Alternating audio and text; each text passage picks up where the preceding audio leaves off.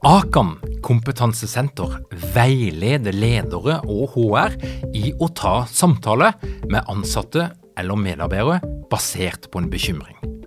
Akan setter ledere og medarbeidere i stand til å forebygge og håndtere en problematisk bruk av alkohol, narkotika, legemidler, spill eller doping blant ansatte.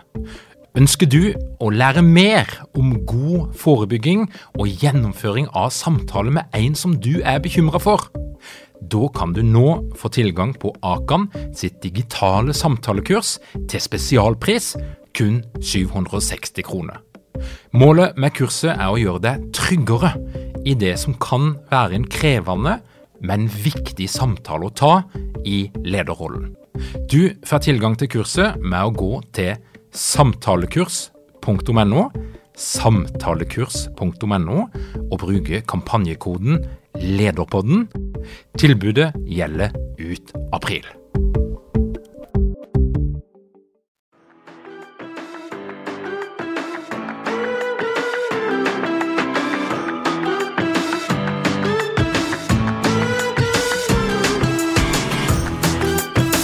Velkommen til Lederpodden. Mitt navn er Tor Åge Eikerapen. Jeg jobber som organisasjonspsykolog, og dette her er en podkast om ledelse. Selskapet som du var med å starte, vokser. Du kan ansette noen folk, og så enda flere folk. Og måten du jobber på som gründer, er ganske lik sånn som du har gjort hele tida. Masse energi, litt kaos, men du har svaret på det meste, for du er jo gründeren som har tatt denne sjappa fra å være ingenting til å bli noe som kan bli veldig stort. Og så merker du at du har blitt flaskehalsen. At oppskriften, som har funka helt fantastisk fram til nå, ikke gir samme resultat lenger. Du er kommet til det punktet som enhver gründer i en oppstartsbedrift kommer til, der du må gå fra å være en gründer til å bli en leder. Og er fellene du kan gå i, og vil det kreve av deg som person, og hva gjør de som lykkes med overgangen fra gründer til leder? Det lurer jeg på i dag. For å finne de beste svarene så har jeg med meg Dr. Jones, Marius Jones, som i dag jobber som konsulent og forsker i AFF og NHH, der han har en særlig interesse for ledelse i gründerbedrifter. Men først noen ord fra vår sponsor. Hei! Mitt navn er Cecilie Ystnes Myhre, og jeg jobber som ledertrener og mentaltrener. Og jeg skal få lov til å bidra på høstens program på lederprogrammet.no. Jeg gleder meg masse. Jeg skal snakke om selvledelse. Vi skal snakke om verdier og betydningen av det å ha en sterk lederfilosofi som kan guide deg i medgang og motgang. Så har du lyst til å være med, meld deg på på lederprogrammet.no. Velkommen tilbake til Lederpodden, Marius. Tusen takk. Veldig hyggelig å være tilbake her. Marius, jeg må jo spørre deg, hvordan er livet etter doktorgraden? Det er veldig fint. Er, jeg, jeg, fortsetter jo litt som før da, med denne forskningen min. Så forskningsprosjektene, både de jeg jobbet med i doktorgraden, de pågår fortsatt. Og så har jeg satt i gang noen nye, blant annet det vi kanskje skal snakke om i dag, da, som går særlig på denne overgangen fra gründer til leder. Mm. Og så er jeg så heldig da, å også ha blitt del av et konsulentmiljø som heter AFF, som er knyttet til NHH, det også.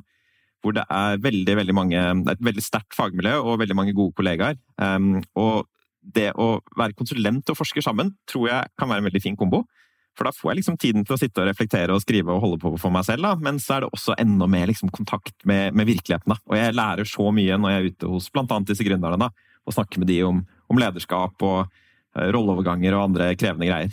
Dette her er noe som er, er, kjempespennende. for at eh, jeg jobber selv med mange oppstartsbedrifter, og jeg har nok egentlig konkludert med at det er noe av det gøyeste jeg gjør. Det er å få lov til å være med og jobbe med ledere i oppstartsvirksomhet. Jeg, ja. vi, vi, kan ha litt sånn utveksling, men, men, hva tenker du? Hva er det som kjennetegner det å lede i denne type virksomheter? Hva, hva, hva, kan du tegne et litt sånn omriss av hva, slags, hva slags eh, stede er dette her? Mm. Og jeg er veldig enig med deg. da. Jeg syns også det er sinnssykt gøy å jobbe med gründere. Og det er jo mye fordi det er så mye driv og, eh, og pågangsvilje her. Og også så mye jeg tenker mulighet da, til å på en måte utfolde seg og, og, forme både hva man skal lage av produkt og tjeneste, og sånn, men også kanskje hvordan man skal lede og hvordan strukturen i selskapet sitt skal være også. Så liksom mulighetsrommet da, og driven syns jeg gjør dette her skikkelig skikkelig morsomt. Eh, og så er det det, hva, hva, kjennetegner dette her, da? Så tror jeg det er, jo, det er jo mye ved ledelse som man kan si kanskje er allment, som, som går igjen. At, at, god ledelse er litt det samme på tvers av kontekster. Men så er det jo noe eget da, med disse startupene. Eh, jeg tenker jo Én ting som vi sikkert kommer til å snakke om, er jo at det er ofte veldig lite formalia i starten. ikke sant? Ehm, det er jo ikke alle eh, startups som er helt der man, man kanskje tenker seg at, at, Apple var i starten. ikke sant? At det var i en garasje. Men, eh, men, det er jo ofte en, en, gjeng som kjenner hverandre fra før, som har en eller annen idé om hva de skal lage, da, som kommer sammen, og så begynner man på det. Og da er det jo ikke flere, det er jo ikke en, eh, en sånn legacy av IT-systemer og organisasjonskultur og struktur som ligger der. da.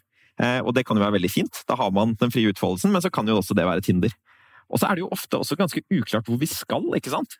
Så man kan jo si at man har en idé, det er kanskje et behov i markedet, men veldig ofte så ender jo startups med å gjøre det man kaller en pivot. ikke sant? At man gjør en stor og grunnleggende endring, enten produkt- eller forretningsmodellen, som gjør at man beveger seg mot venstre, men så plutselig finner vi ut at vi skal til høyre isteden.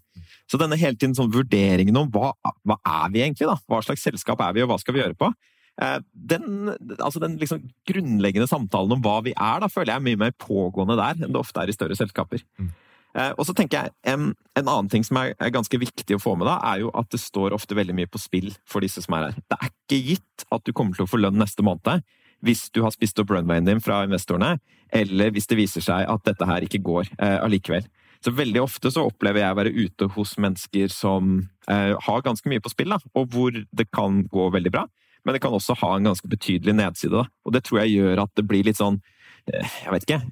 Det, det skrur opp temperaturen litt, da. Både når det kommer til ting som skjer mellom mennesker, men også kanskje inni folk. Da. Og, og vi snakker jo sikkert litt etter hvert om følelser, da, men jeg syns det har vært spennende å utforske følelser i entreprenørskap fordi det er så mye av dem, og nettopp fordi det er så veldig mye som står på spill. Da. Så det blir jo en sånn cocktail da, av mange greier da, som gjør dette til en emosjonell berg-og-dal-bane. Kanskje enda mer enn det vi eh, andre opplever da, på jobbene våre. Og En ting er én gründer, men ofte så er det jo en gjeng, det er et team som starter et eller annet sammen. og Du sa, du brukte ordet relasjoner, mm. eh, og jeg tenker jo det er jo ofte kanskje det hinderet som en først møter på, det er jo relasjonen. Altså at eh, folk har fått oppgaver, de har fått rolle pga. relasjoner, og når selskapet vokser, så er kanskje ikke det nødvendigvis en god nok grunn lenger. Mm. Hva, hva, hva tenker du? Altså, de her, de her vennegjengene som starter noe sammen, de blir jo litt utfordra etter hvert på relasjonen. Mange, i hvert fall, når det vokser. Mm. Veldig enig. Eh, og det er jo mange utfordrende relasjoner når man er i en startup, og noen av de er jo disse inni startupen, som jeg har vært mest å se på. Og så tror jeg ikke man skal undervurdere alle de relasjonene til nettverket og alle på en måte støttemiljøet rundt heller, ikke sant. Du har blant annet eh, relasjonen til investor, tror jeg er, er, skikkelig viktig også. At du både får med deg noen der som både kan komme inn med penger, men kanskje gode råd, og også en forståelse for at du som gründer må få lov til å holde på litt for deg sjæl også. Da. Mm. Så det er jo en, en, en, skikkelig viktig investor, ikke sant? og jeg tror veldig mange gründere tidlig er veldig fokusert på disse ytre relasjonene, av god grunn. ikke sant? At man skal forstå miljøet rundt seg og få det inn på banen, og også eh, klare å bygge, bygge gode relasjoner med sånn som investorer, for eksempel. Da. Og så er det noe som du sier, at, at, det kan bli krevende med disse relasjonene etter hvert. da. Um, og der tenker jeg det er jo det er jo mange ting som er vanskelige relasjoner, som vi alle kan på en måte kjenne litt på. ikke sant? Eh, og så er det kanskje noe som setter det litt ekstra på spissen eh, blant gründere. Men det er jo sånne ting som at du skal sant, delegere oppgaver, du skal løse konflikter. Av og til er disse konfliktene ganske sånn grunnleggende. Du skal holde folk motiverte, også når måte det er stor usikkerhet rundt f.eks. lønnsbetalinger da, og hvordan fremtiden er i selskapet. Og så er det jo kanskje noe med at vi mennesker liker jo å ha litt sånn klare forventninger til oss når vi kommer inn et sted, ikke sant? Og det tror jeg man kan skape også innad i en startup. Men så er det jo nesten helt uunngåelig at disse forventningene, eller hva som kreves av den enkelte, og roller og sånn, kommer til å endre seg kontinuerlig også, da. Så i et tidspunkt på, så er det jo viktig å fokusere på én ting, men så dreier det kanskje over i noe helt annet eh, en stund senere, da. Og det gjør jo kanskje at disse relasjonelle greiene blir, blir ekstra krevende her, da. Og så er det jo, eh, det er jo duka for rollekonflikt. altså mm. Mange ansetter jo vennene sine, de har vennene sine som medgründere. Og, og da kommer du til et punkt der du har ganske mange hatter på deg. Du er venn, Mm. Du er kanskje eh, medeier. Du mm. eier selskapet sammen. Mm. Eh, du er kanskje leder. Du er ansatt. Du er styremedlem. Altså Nå er vi oppe i fem-seks hatter her, som da kan i varierende grad være tydelig. Og Min opplevelse er jo at det veldig ofte når jeg kommer inn i relativt uh, ferske selskaper, og de kan ha holdt på ganske lenge, så er det noe av det første problemet en må ta tak i, det er rolleuklarhet. For det er veldig utydelig. Mm. Når er du leder? Når er du ansatt? Når er du eier? Når er du mm. styremedlem? Og det er en del som mikser dette her sammen i en herlig grøt, mm. som etter hvert gjør det litt vanskelig for andre å komme inn i de selskapene. Mm. Ah, fin eh, refleksjon, da. Og jeg blir jo sånn tenkende på at jeg tror denne rolle Flere hatter er jo både en styrke og en, en svakhet, på en måte. Så jeg tenker jo ofte så er det jo gründere som starter ting sammen med noen de kjenner godt, som du sier. Og, og det kan jo være et fantastisk fundament av godt vennskap og tillit til hverandre, ikke sant? som gjør at man kan eh, kanskje ja, operere på en litt annen måte, eller at man vet hvordan man kommuniserer med hverandre. Og det er jo veldig ofte at disse ofte det er gründerpar eller trioer som starter ting sammen, som, som, har veldig veldig sterke og gode relasjoner som går langt tilbake i tid, da, som, som gjør at dette her blir bra greier. Eh, og så er det helt, helt enig i det du påpeker her også, da. Rolleuklarhet er krevende. Jeg har jo skrevet litt i, om struktur i startups, og jeg tenker en del av sånne strukturer er jo å tenke rundt dette med roller. Om hvem som gjør hva. ikke sant? Det er jo ofte det en, en, en rolle skal gi en beskrivelse av. Og Det som jeg tror er liksom særlig krevende i en startup, er jo at rollene endrer seg så fort. ikke sant? Så hva, både hva, måte, hva rollen er, om du er markedssjef eller daglig leder, og sånne ting, der, der kan det jo hende at disse titlene går litt sånn på rundgang, og det blir nye titler ganske kjapt. Men også veldig hva er det som ligger i disse titlene her, da, som kan være en veldig vanskelig greie. Og jeg tror særlig, altså uansett hvordan roller du har et sted, så vil det jo alltid være ting som faller mellom to stoler. Og jeg tror kanskje det er særlig der det er viktig å ha den rollediskusjonen, da, om hva gjør vi med de tingene der. Ikke sant? Um, og så er det jo noen som har mange hatter, og så er det noen som har få. ikke sant? Du kan jo ha noen av disse her som er veldig veldig investert, som du sier har fem hatter. De er både eh, gründer, de er daglig leder, eh, de sitter i styret og sånne ting, og, og, gjør dette og lever og ånder for startupen sin. Og så har du kanskje andre som kommer inn og er sommerintern, for eksempel, da, som har én hatt som er mye mindre enn de andre sine hattene. Eh, og jeg tror særlig i den interaksjonen der, da, så kan det fort bli krevende. Eh, en ting som jeg opplever som veldig krevende der, er jo at det ofte er et ganske stort informasjonsgap, tror jeg vi kan kalle det, mellom gründer og de som er nyansatte. At for gründeren som lever og ånder for dette her, da, som er i dette 24-7, så er det jo en del ting som er, virker ganske klart og åpenbart, og selvfølgelig. Og så er det for den som da kommer inn, da, som, som er nyansatt i dette og skal kanskje være her på deltid, som, som, egentlig ikke skjønner hva som foregår. Og jeg tror dem, det informasjonsskapet der kan ofte bli en kilde til en del eh, friksjon. Mm. Ja, og, og, det er jo ofte vanskelig å skjønne hvem er det egentlig som er sjefen her. Ja. Fordi at Hvis det er f.eks. fire-fem gründere, eh, så, så, uansett hva de kaller seg på visittkortet eller i mailen sin, så blir de jo betrakta som en del av ledelsen eller de som starta dette her. Mm. Sånn at uh, det, jeg, jeg, snakker med en del som er litt sånn ja, litt forvirra, rett og slett. Hvis du kommer mm. inn som, som, en vanlig ansatt da, i denne type virksomheter. Mm. Og, og, i mange Det kjenner jeg meg igjen i også. Uh, og i mange større selskaper så er det jo veldig vanlig at man har litt sånn eh, store omboardingsprosesser. ikke sant? Du har en HR-funksjon som skal ta av deg det og få folk på jobb og få, de, eh, få inn den informasjonen som trengs da, for at de kan være effektive arbeidstakere. Mens i en startup så skal du ikke ha en stor HR-funksjon. Det tror jeg ikke er det du bør fokusere på sånn fra dag én. Men det gjør jo ofte at sånne ting som onboardingen av nye medarbeidere eh, kan liksom falle mellom to stoler. Det er verken daglig leder eller markedssjefen som på en måte naturlig sitter og skal jobbe med det. Og, og da kan det hende at man bare tar inn folk, eh, og så har man en tanke om at her har vi flat struktur, vi skal ikke ha så mye av sånne rutiner, for de bremser oss opp. Og så kan det da kanskje gå på bekostning av den opplevelsen som en del nye får, får i startups. Mm. Og det er jo ikke alle som er sånn. Jeg har vært ute en del startups som får til dette eh, fantastisk flott også, men, men, jeg opplever nok det som krevende hos mange. Mm. Og så er det jo dette her med, med, hvis du da har blitt tatt rollen som daglig leder, mer eller mindre frivillig, ok, det er flasketuten peker på, noen må ha den rollen, og så ble det det. Mm. Og så kommer du til det punktet der du, du ser at du må korrigere dine medgründere. Altså, du mm. må rett og slett gå ut av eierrollen og kompisrollen, og så må du mm fortelle noen av dine medgründere at du må oppføre deg på en annen måte, du må gjøre jobben på en annen måte. Og Det er jo sånn, et sånn kritisk punkt. Klarer du det, eller blir det sånn at medgründerne får lov til å holde på som de vil, mens det blir altså to ulike sett med regel for atferd? Mm. Ja, veldig interessant.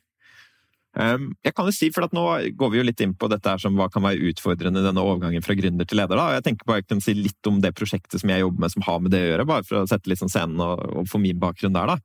Um, jeg er jo konsulent i AFF, og for tiden så gjør jeg da et samarbeidsprosjekt med en gjeng som heter Kupa i Nord-Norge.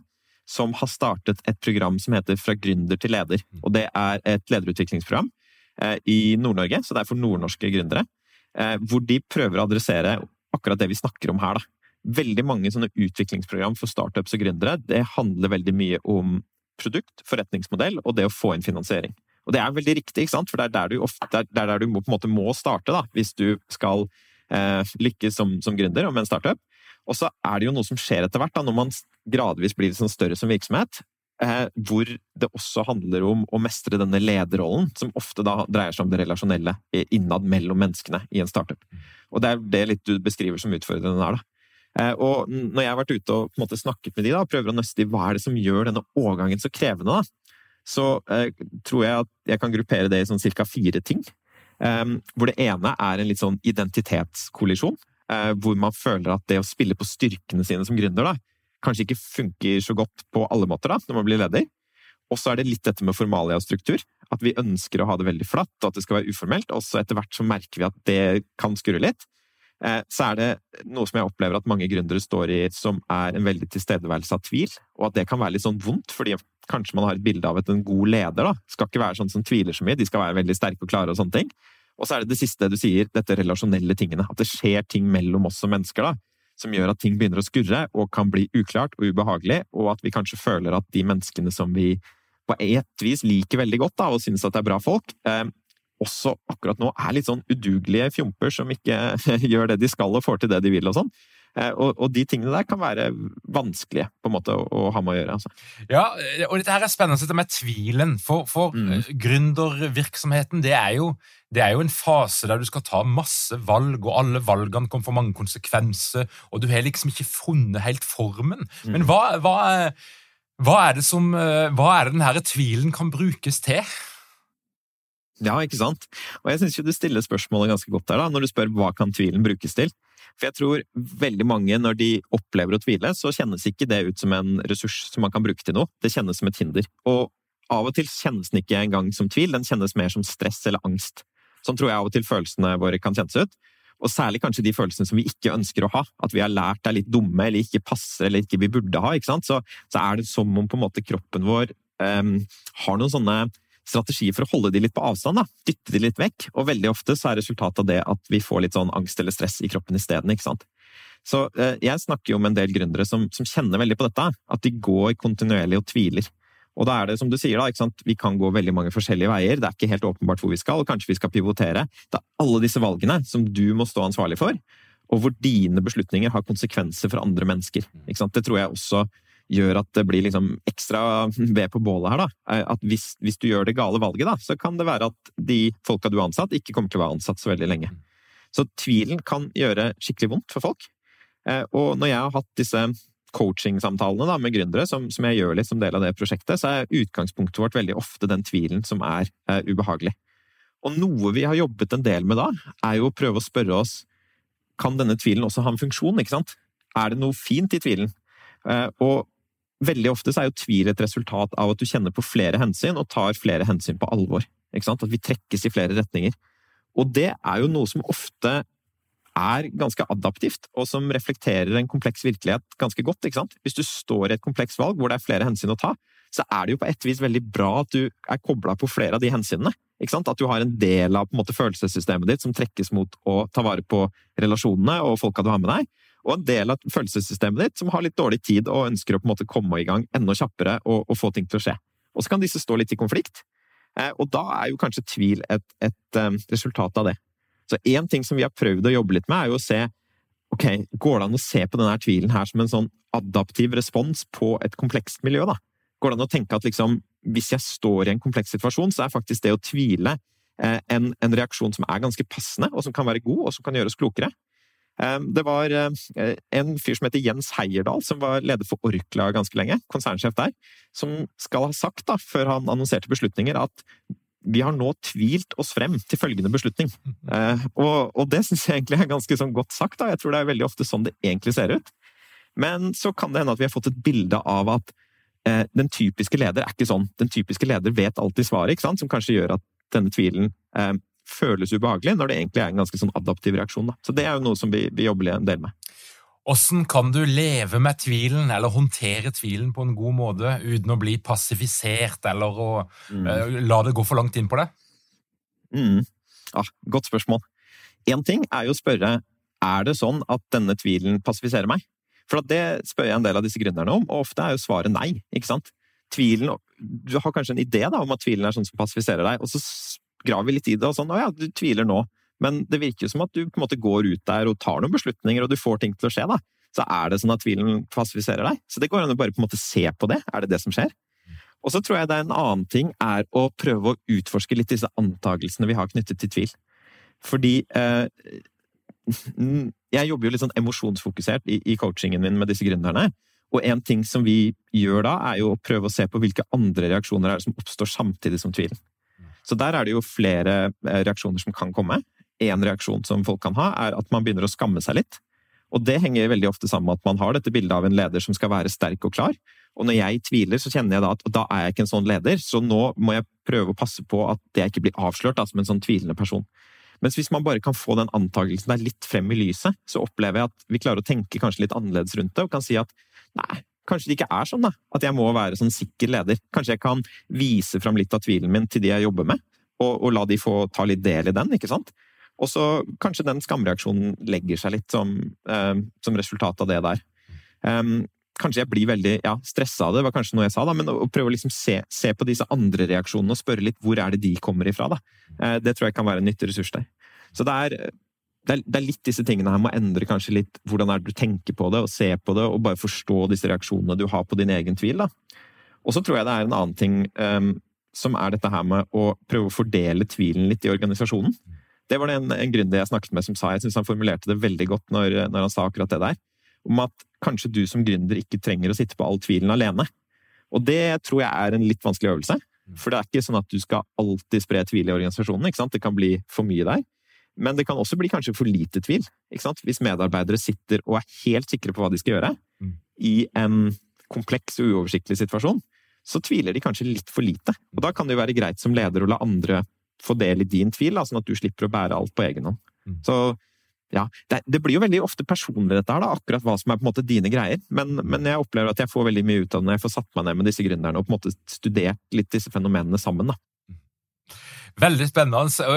Og, du, du, snakker litt om det, altså dette her med, med å dele ting. Mm. Og, og min, min, opplevelse er jo at gründere i sin natur er jo ofte litt kontrollfriks som er redde for å slippe på makta. Mm. Um, og, og, noen er jo veldig sta og liksom holder på sin greie og har ganske store problemer med å gi tillit til andre. Mm. Og det kan være en god ting i en startfase, men jo flere ansatte det blir i virksomheten, jo mer problematisk blir det hvis gründeren skal ha kontroll mm. på alle detaljer og alt som skjer, og ikke klare reelt å delegere makt og myndighet til andre roller. Mm. Hva er din tanke om det, Marius? Jeg er enig i observasjonen din. Eh, jeg tror det er variasjon der. Noen opplever at får dette til ganske eh, enkelt og greit, og så er det noen andre som, som er mer sånn som du beskriver der. da.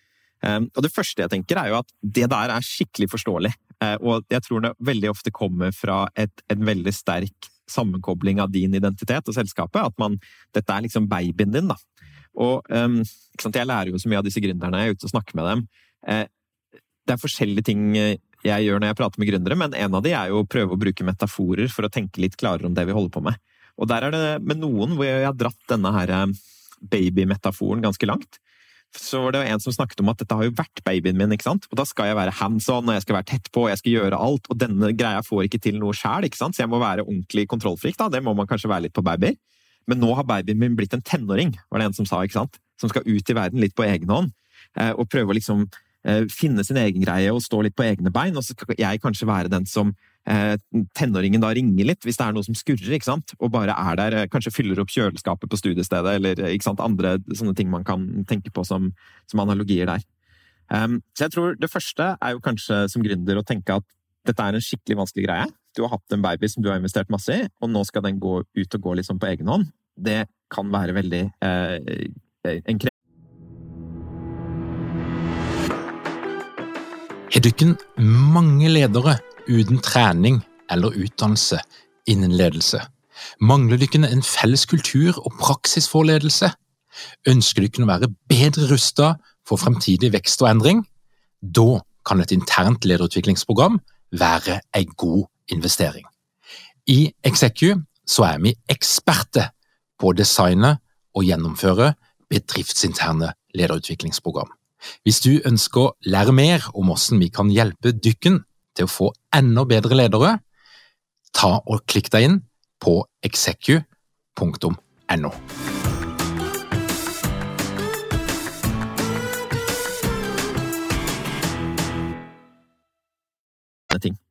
Og så tror jeg kanskje det som gjør det litt sånn krevende, da, er jo dette her at det har funket veldig bra å være veldig hands on.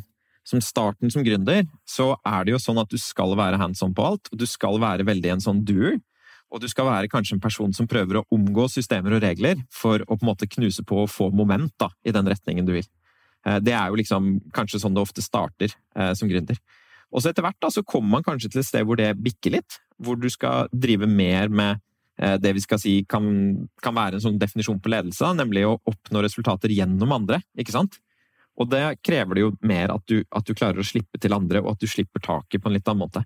Så jeg tror noe av det som kan gjøre det veldig krevende, er jo at vi går fra på en måte å ha én oppskrift da, på hvordan lykkes, som er veldig hands on, og så skal du plutselig begynne å eh, bruke en annen oppskrift da, på å lykkes. Og det tror jeg vi alle liksom kjenner litt på, at når, når det blir sånn skifte da, i, i, hvordan vi skal være i vår rolle, så kan det være veldig krevende greier. da.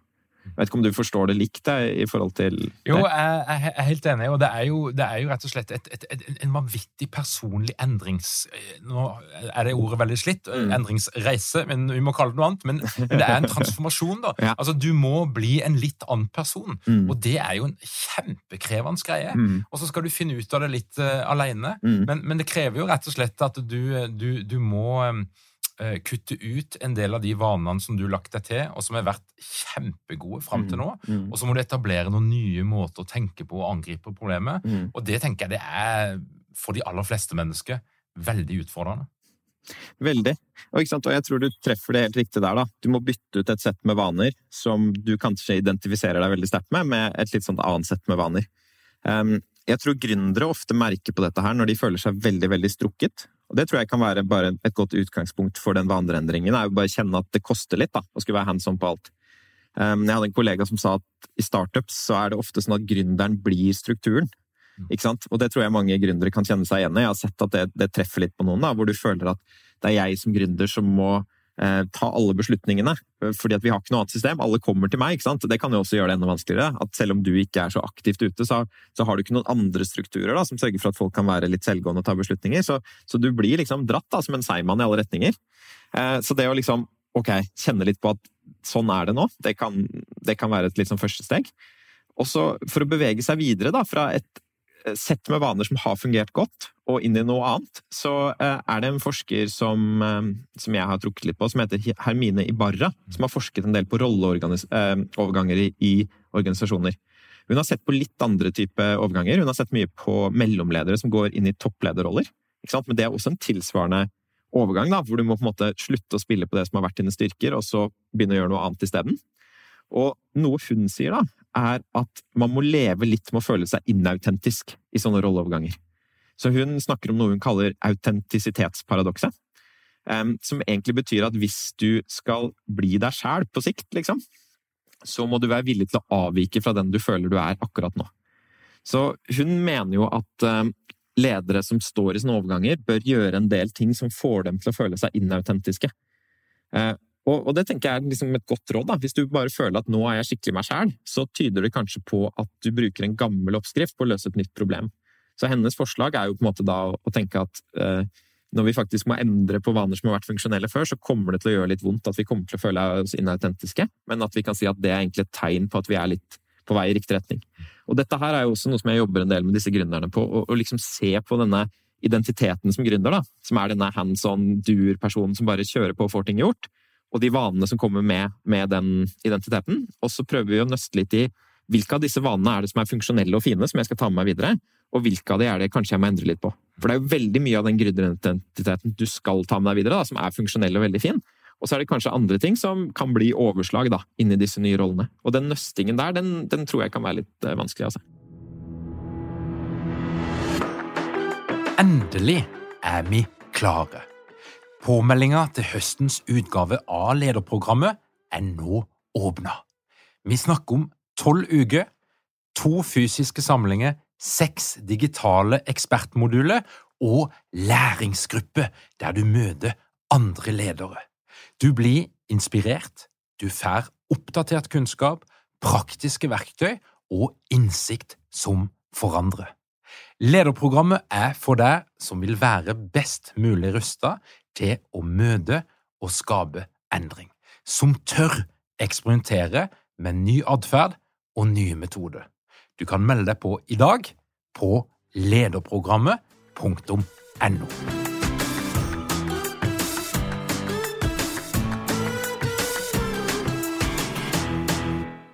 Vi snakka litt om det sist, for dette er ganske sentralt i, i de studiene som du har gjort. Men du sier noe om at eh, det å komme inn i en gründervirksomhet, det er jo et sånn følelsesmessig eh, Hva skal du kalle det for noe? Et, et tivoli? Mm. Altså der det er opp- og nedturer. Det er sterk begeistring, det er sterk angst. Det er liksom Det, er, det, er, hele registeret spiller seg ut mm. i større grad enn mer satte virksomheter der ting er på plass. Kan du ikke beskrive dette her, den her følelsesmessige delen av det å, å være i en gründervirksomhet? Jeg tror det er helt som du sier, det er mye av det som vi ser i andre organisasjoner, og så er det satt litt på spissen. Eh, og det jeg tror at det kanskje gjør at følelsene får en enda større rolle i startups, da, det er jo to ting. Det ene er at det er mer av de. Og det tror jeg handler mye om at man er sterkt identifisert med virksomheten sin, og at det er, en, det er større risiko. Så den potensielle oppsiden er stor, og det trekker med seg mye positive følelser som begeistring og entusiasme og, og driv. ikke sant? Mm. Passion blant entreprenører er jo noe som, som er forsket ganske mye på. Og så er det store nedsider, som kan trekke med seg angsten og sinne og frykt og, og de tilhørende følelsene der. Og så er det jo også noe med at veien fra magefølelse til handling er ganske mye mindre i en startup enn det andre steder. Så veldig ofte i større virksomheter så har du jo lag med byråkrati ikke sant? som sørger for at hvis noen eh, handler på magefølelsen sin, da, så er det vegger som gjør at dette her på en måte ikke blir virkelighet før du har gått flere runder mellom mange beslutningstagere osv. Mens i en startup så har du mulighet til å vri på ting ganske mye kjappere. Og det tenker jeg er en, en veldig styrke i, i, veldig mange tilfeller. Men også gjør det da at måte, følelsene ofte får en større rolle. da. Så det kan man jo kanskje si at det er et sted hvor det er masse følelser, og hvor følelsene får lov til å dirigere mer, da, kanskje enn i etablerte virksomheter. Mm. Det er jo sånn at eh, jeg tenker at Noen virksomheter de skjønner sjøl at nå må vi endre kurs, nå må vi profesjonalisere oss, nå må vi bygge mer struktur, nå må vi tenke og jobbe på en annen måte og klare det veldig fint. Og så mm. opplever jeg at noen eh, selskaper de holder på altfor lenge på den her første måten å tenke på, og, og, det bygger seg opp med en del problemer og trøbbel. Det kan handle om flaskehalser, det kan handle om at kreativiteten stopper, det kan handle om at kjappheten som en trenger altså En, en ligner litt mer på et tankskip enn på en speedbåt, mm. eh, på grunn av at du er for sein med å gjøre de tiltakene som skal ta deg ifra gründer til leder. Men mm. hva er varselsignalene som en kan se i denne type virksomheter, som, som kanskje er et tegn på at en, en bør ta noen grep og, og, gå litt inn i denne profesjonaliseringsruta? Ja, Bra spørsmål, og dette er jo litt av det eh, jeg har skrevet eh, om i, i forskningen på doktorgraden min. og Her er det en artikkel som jeg har skrevet sammen med eh, Peter Skau, som er førsteamanuensis på BI. Eh, som nylig er på trykk i Academy of Management Journal, hvor vi har skrevet litt om den reisen fra ikke så veldig mye struktur til litt mer struktur. Eh, og For å svare på det spørsmålet ditt, da, så er det egentlig liksom to svar. Da. Det ene er på en måte hva er det som, eh, er, det som er disse varsellampene som gjør at nå bør vi kanskje prøve å på en måte endre oss litt. Og Der tror jeg det er mye at du kan kjenne det litt som gründer, at du føler at nå er jeg strukket tynt. ikke sant? Nå bruker jeg altfor mye tid på å gjøre små avklaringer og hoppe frem og tilbake mellom folk. Eh, hvis du føler deg litt som en seigmann, så tror jeg det er et godt tegn på at her må vi se litt sånn på strukturen. Og så tror jeg en annen varsellampe er kanskje at hvis du føler at folka dine ikke er så flinke som du tenkte de skulle være, så tror jeg også det kan være en greie. Da. Så jeg har vært ute hos en del startup hvor, um, hvor lederne på en måte sliter litt med å forstå hvorfor er det ikke de ansatte henger med. ikke sant? Hvorfor skjønner de ikke hva som er greia, hvorfor tar de ikke mer initiativ? Eh, og når jeg da har gjort intervju med de eh, ansatte der, så er det jo ofte fordi at de ikke helt skjønner hva er det rollen min er, hva er det måla mine er, hva er det jeg egentlig bør fokusere på nå, da? Um, litt av de tingene som jeg sier at en struktur kan bestå i en startup, er å ha klare mål som du klarer å bryte ned. Du må ha en rollestruktur. Du må ha eh, noen prosesser, som ofte er noen møter eller noe sånt, hvor vi samles og liksom får hodene våre på samme sted. Og så kan du ha noen verktøy, sånn som Trello-boards eller whiteboards, hvor du på en måte har en oversikt om hvem som gjør hva, og når. Og jeg tror det blir mye mer initiativ og også kreativitet hvis du har disse her tingene på plass. da. Så det ene svaret er jo å kjenne etter disse vondtene da, i, i deg. Um, og så er det et ansvar også som, som, vi har lagt vekt på i den forskningsartikkelen, og det er jo det vi pratet om forrige gang, eh, som handler om dette med forutseende læring. Altså lære fra feil du ikke har gjort ennå. Det er jo noe som, som, jeg har fordypet meg gjennom den forskningsartikkelen. For det som vi fant, da, var at disse startupene som lykkes best i å etablere en struktur, de gjorde endringene før det begynte å gjøre vondt. Og en måte man kan tenke på det, er jo eksempel at hvis vi nå skal ansette fire nye personer, så vi nå blir en dobbelt så stor virksomhet, ja, da må vi sannsynligvis gjøre noe på den strukturelle siden også. Så det å på en måte prøve å tenke ok, hva er det som er rundt neste sving her, da, hvis vi gjør en stor pivot, hvis vi endrer størrelsen på organisasjonen, hvis vi kaster om på rollene, så bør også på en måte strukturen henge med, da, og at disse endringene kanskje bør skje før liksom disse voksesmertene kommer. Rolleavklaring, altså. Tydelig rolle, et organisasjonskart, uansett hvor kjedelig og konservativt det måtte høres ut. Struktur i form av rutine, eh, måte å gjøre ting på, systemet. Prosesser, altså møtepunktet, daily standups, eh, hva det nå måtte være, Friday wins. Eh, det finnes mange versjoner. Og så mm. snakker du da til sist om noe om å visualisere prosessene i et trelloboard eller på et whiteboard eller hva det nå måtte være. Miro makro, eh, men, men, få fram en visualisering av hvordan jobber vi sammen, sånn at du sikrer en lik forståelse. Eh, for den skal du ikke ta for gitt. Ikke sant, akkurat det der.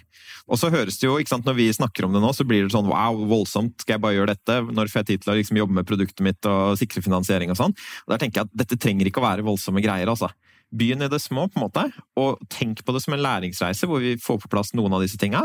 Og så må vi se på funker det, funker det ikke sørg for å kaste ut overflødig byråkrati. Eh, men, men, bruk litt tid, tenker jeg da, kan være en god idé, på å liksom iterere på denne strukturen, da, sånn at den etter hvert blir, blir, det du vil ha. Du møter jo mange gründere, Marius, og det kan godt være at enda flere tar kontakt med deg nå som du er både på lederpodden og skifter og blir eksponert. Men, men, hva er dine, hvis vi ser bort fra de her fire konkrete tingene, hva er dine beste råd til en gjeng med gründere som ønsker å lykkes med vekst og skalering, og som, som ønsker å bli store? Hva bør de tenke på tidlig, mm. før det blir trøblete? Ja, veldig godt uh, spørsmål, det. altså. Og jeg, jeg tror det, det, er jo veldig mange ting der som Jeg, jeg har jo sett sant, som en forsker på et litt snevert felt av, av, hva som skal til for å lykkes som gründer. Uh, det er jo veldig mange ting som handler om å på en måte lage et produkt som det faktisk er et behov for, uh, ha en forretningsmodell som fungerer, og sørge for å få inn finansiering. Og Det tenker jeg er liksom de viktigste tingene i starten, og det er ting som ikke jeg har så veldig mye peiling på.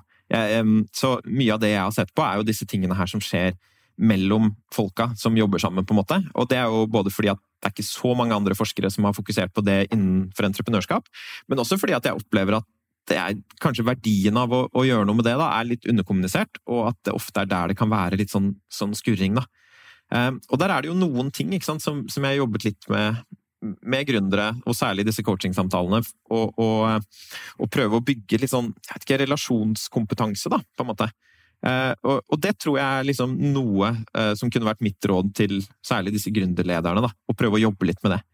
Um, jeg tror jo, litt som vi har snakket om, så er det jo sånn at uh, når vi skal jobbe sammen med andre, så er det en del ting som er relasjonelt krevende. ikke sant? Vi satte litt ord på det i stad. Det er konflikter, du tar beslutninger som har konsekvenser for andre, du skal kommunisere, og, og ting går kjapt, ikke sant? og dette er krevende. Og så er det noe annet som gjør det der ekstra krevende også, og det er jo at når vi har eh, relasjonelle eh, situasjoner hvor, som involverer andre mennesker, så kommer vi ikke Og når dette vekker følelser, da, så er det ikke bare det som skjer i rommet som preger vår tolkning, det er også bagasjen vi har med oss fra tidligere. ikke sant? Hvordan oppdragelsen min var, hvilke relasjoner jeg har hatt fra før, tidligere erfaringer som jeg har hatt med sjef, andre sjefer andre steder, det kommer til å prege hvordan jeg tolker deg, og hvordan andre reagerer på meg også. Og det å på en måte prøve å nøste litt i hvordan er det jeg påvirker andre, og hvordan er det andre påvirker meg, og hva er det egentlig som handler om det som skjer i rommet, og hva er det som best kan forstås ut fra de eh, erfaringene jeg har fra tidligere, da. Det tror jeg er egentlig en veldig sånn, nyttig måte å gå frem på for, um, for å bygge litt sånn relasjonskompetanse. Uh, jeg syns jo én ting som er veldig interessant, er jo hvordan folk reagerer på uh, konflikt og uenighet. ikke sant? der er det veldig veldig mye forskjellige sånne konfliktstiler. Noen kan oppleve det som veldig ubehagelig. De kan oppleve at de går inn i en litt sånn håpløshetsmodus, at kroppen på en måte slår seg litt av. Andre kan bli veldig stressa, kanskje begynne å snakke litt sånn fortere. At det kan skje. Eh, andre syns jo konflikt er veldig gøy, og kan bli litt sånn eh, at de kan få ekstra mye energi av dette her. da. Og det tror jeg veldig ofte avhenger av hvilke erfaringer vi har, og hvilke på en måte antakelser vi har om hva er det egentlig som foregår når vi står overfor hverandre og er uenige. da. Eh, og hvis disse tingene her forblir helt sånn ubevisste, da, så tror jeg ofte at disse forventningene kan krasje litt, og da tror jeg det kan bli ubehagelig og vanskelig. Så det, måte, det er jo et gammelt, uh, gammelt, råd, dette her, da, med å kjenne seg selv. da. Men, men, det er jo faktisk også, tror jeg, kanskje litt av mitt råd, å bli liksom kjent på hva er, det som, hva er det ved deg som gjør at du reagerer som du gjør på disse situasjonene. Og hva er det ved din atferd som setter i gang ting hos andre mennesker? da, At det kan være en, en lur ting. Veldig godt råd, og det tenker jeg gjelder for alle, men spesielt når du skal utfordre deg sjøl på det viset, og der din atferd kan få så store konsekvenser for hva du klarer å få til. Mm. Eh, men så, så, lurer jeg på en ting. Er gründere litt spesielle? Altså, eh, eh, det, det finnes jo sånne flinkisgründere som har vært i McKinsey og liksom gått de her vante veiene, og så hopper de ut fra en eller annen eh, flott stilling, og så gjør de det veldig riktig. Men så, mm. så, er jo min jeg må nok si at min erfaring er jo at eh, mange gründere Du trenger et ganske ekstremt gir. Du trenger en litt ekstrem motivasjon. altså Du må virkelig ville det. Mm. Um, og det er ikke for hvem som helst. Og, og at en del av de gründerne jeg treffer på, ja, de, de har noen sånn, en personlighet som, som, kanskje står litt ut sammenlignet med andre. At det er noen, noen egenskaper der som ikke er helt uh, gjennomsnittlige, på, på, godt og vondt. Mm. Uh, ja, jeg, jeg, tenker jo det. Nå, akkurat den forskningen der uh, vet jeg at finnes, men at jeg ikke har så god sånn, innsikt i den. Men jeg tror det er noe med sånn at man er mer optimistisk som gründer enn gjennomsnittspersonen, kanskje, for eksempel. Um, og så er det jo også et spennende spørsmål om, om, alle de tingene som gjør deg til en typisk gründer. Er, altså, de tenker jeg også har på en måte oppsider og nedsider. da. Um, optimisme er jo en veldig sånn spennende ting, hvor på ett vis så kan man tenke at gjennomsnittsgründeren er nok mer optimistisk enn gjennomsnittspersonen. Du trenger det for å sette i gang. Og så er det jo også en del studier som tyder på at det å være litt pessimistisk um, kan være det du trenger som gründer da, i en del uh, tilfeller, for å se risikoer og nedsider og sånne ting.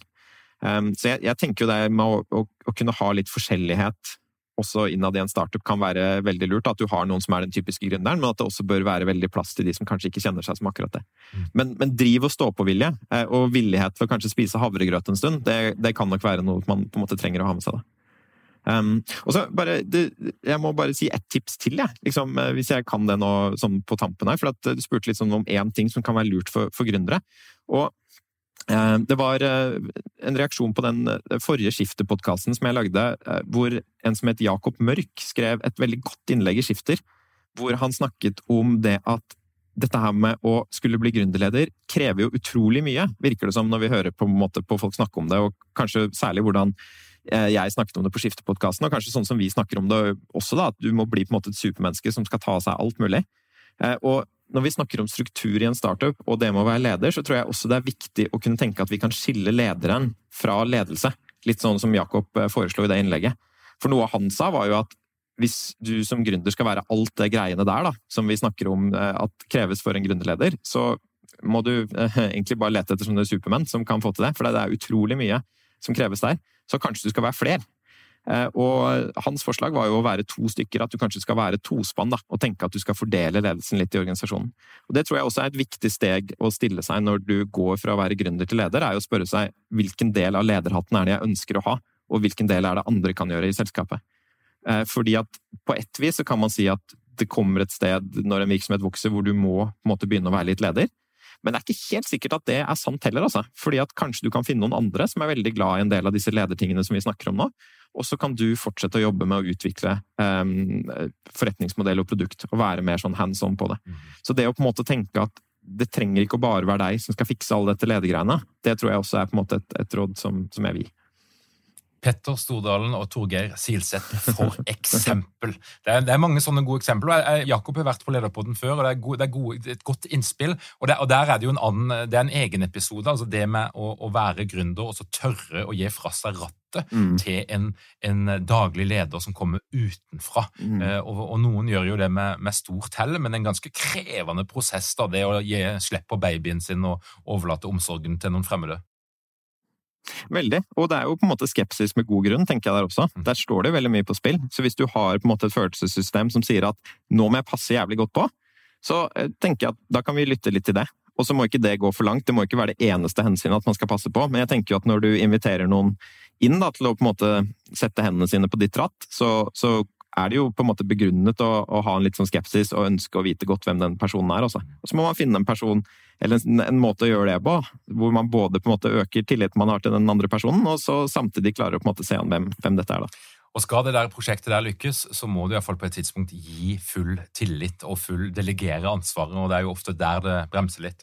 Og så, og så merker jeg noen ledere, eller gründerledere de har en tendens til å kreve det samme av sine ansatte som de krever av seg sjøl. Til tross for at de har jo et helt annet insentiv for å stå på dag og natt. Mm. Men jeg merker at den der, det å akseptere at vanlige ansatte Du kan ikke forvente at de jobber på samme måten og på, til alle døgnets tider, selv om du gjør det som gründer. Eh, en veldig konkret ting, men det er, det er, et eller annet der. Det er veldig, veldig godt poeng, det der. Hun, Veilederen min, Therese Sveidrup, som også har vært på Lederpotten, har jo skrevet sin doktoravhandling på psykologiske kontrakter. Og Det handler jo nettopp om disse uuttalte forventningene som vi har til hverandre i enhver relasjon. ikke sant? Sånn er det, Man kan tenke at man har det på samfunnsnivå, at vi har noen forventninger til staten, og staten forventer at vi skal betale skatt og sånn. Det er en sånn i og ta-forhold da, som jeg tror er det som gjør relasjoner krevende. Og det som gjør det vanskelig, er jo at ofte så er jo ikke disse forventningene like i mitt hode og ditt hode. Vi har litt forskjellige forventninger av hva i- og ta-forholdet består av. Og da blir det jo krasj på et tidspunkt, ikke sant. Så jeg, jeg, tror jo å ha den samtalen der, da, at hva er det vi egentlig forventer av hverandre her? Og hva er det som er fair? Mm. Det er en, en veldig viktig samtale å ha. Eh, og, og, jeg er helt enig i observasjonen din også, da. Um, at hvis du på en måte sitter på eiersiden og er den som høster fruktene hvis dette går skikkelig bra, um, så fordrer det, eller så på en måte kommer det også med en, en, en annen forventning til innsats da, enn, en hvis du hever på en måte en vanlig lønn, eller til og med en sånn lav lønn. på en måte. Dette spørsmålet om 'what's in it for me' er jo et ganske viktig spørsmål tror jeg, å stille seg i enhver sånn arbeidsrelasjon. Og så tror jeg kanskje hvis jeg skal på en måte tenke litt rundt hva er, veien rundt dette her, da? For når jeg sier dette her, så er det jo en del gründerledere som sier at jo, men vi har jo ikke penger til å betale folk lønn, på en måte. Så vi kan jo ikke heller skru opp den, og vi kan ikke gi bort eierandeler til alle heller. Der tror jeg det er liksom viktig å prøve å sette seg ned med folk og prøve å finne ut hva er det egentlig det viktigste for deg å få ut av denne jobben her. For av og til så opplever jeg at det er ikke bare på en måte størrelsen på gevinsten som er det vi kanskje har forskjellige formeninger om, men det er hva det skal være. Og jeg tror særlig mange yngre arbeidstakere de er jo kanskje ikke så interessert, eller det er ikke det viktigste for de som, hva som er størrelsen på lønnsslippen, men det er på en måte hva slags fremtidige muligheter er det jeg kommer til å få hvis dette går veien. Så en belønning trenger ikke å bare være en større utbetaling eller en større eierandel, men det kan være at dette er et veldig godt sosialt miljø, at du får noe godt på CV-en, eller at du lærer noe nyttig. Eller at det er sånn at hvis ting går bra, så kommer også stillingen din da, til å vokse i kompleksitet og ansvar også. Så, så, det å være litt nysgjerrig på hva er, det vi, hva er det vi egentlig kommer på jobb om morgenen for, da, og ikke anta at det er det samme, da, det, det tror jeg også kan være en fin ting. Masse masse gull her. Denne podkasten anbefales til enhver gründer som har lyst til å lære noe. Marius, tusen hjertelig takk for at du kom tilbake til Lederpodden. Tusen takk. Det er, det er veldig gøy å være her, da.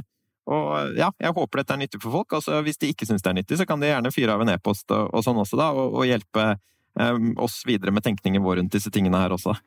Veldig bra. Jeg ønsker deg en fantastisk sommer, og jeg håper alle gründere der ute òg husker at det å ta seg litt sommerferie er en kjempegod idé. Takk det samme. God sommer. Til deg som hører på Lederpodden, hvis du ønsker å få med deg alt vi driver på med i vårt lederunivers, uansett om du er gründer eller leder, kom deg inn på lederpodden.no, trykk på den rette knappen, legg igjen din e-post, og du får vårt nyhetsbrev hvert eneste, hver eneste fredag. Takk for at du hører på Lederpodden. Vi høres igjen om ei uke.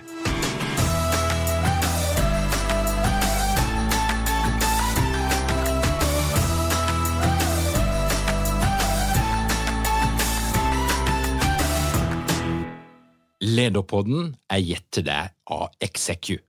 Vi tilbyr leder- og ledergruppeutvikling som gir effekt.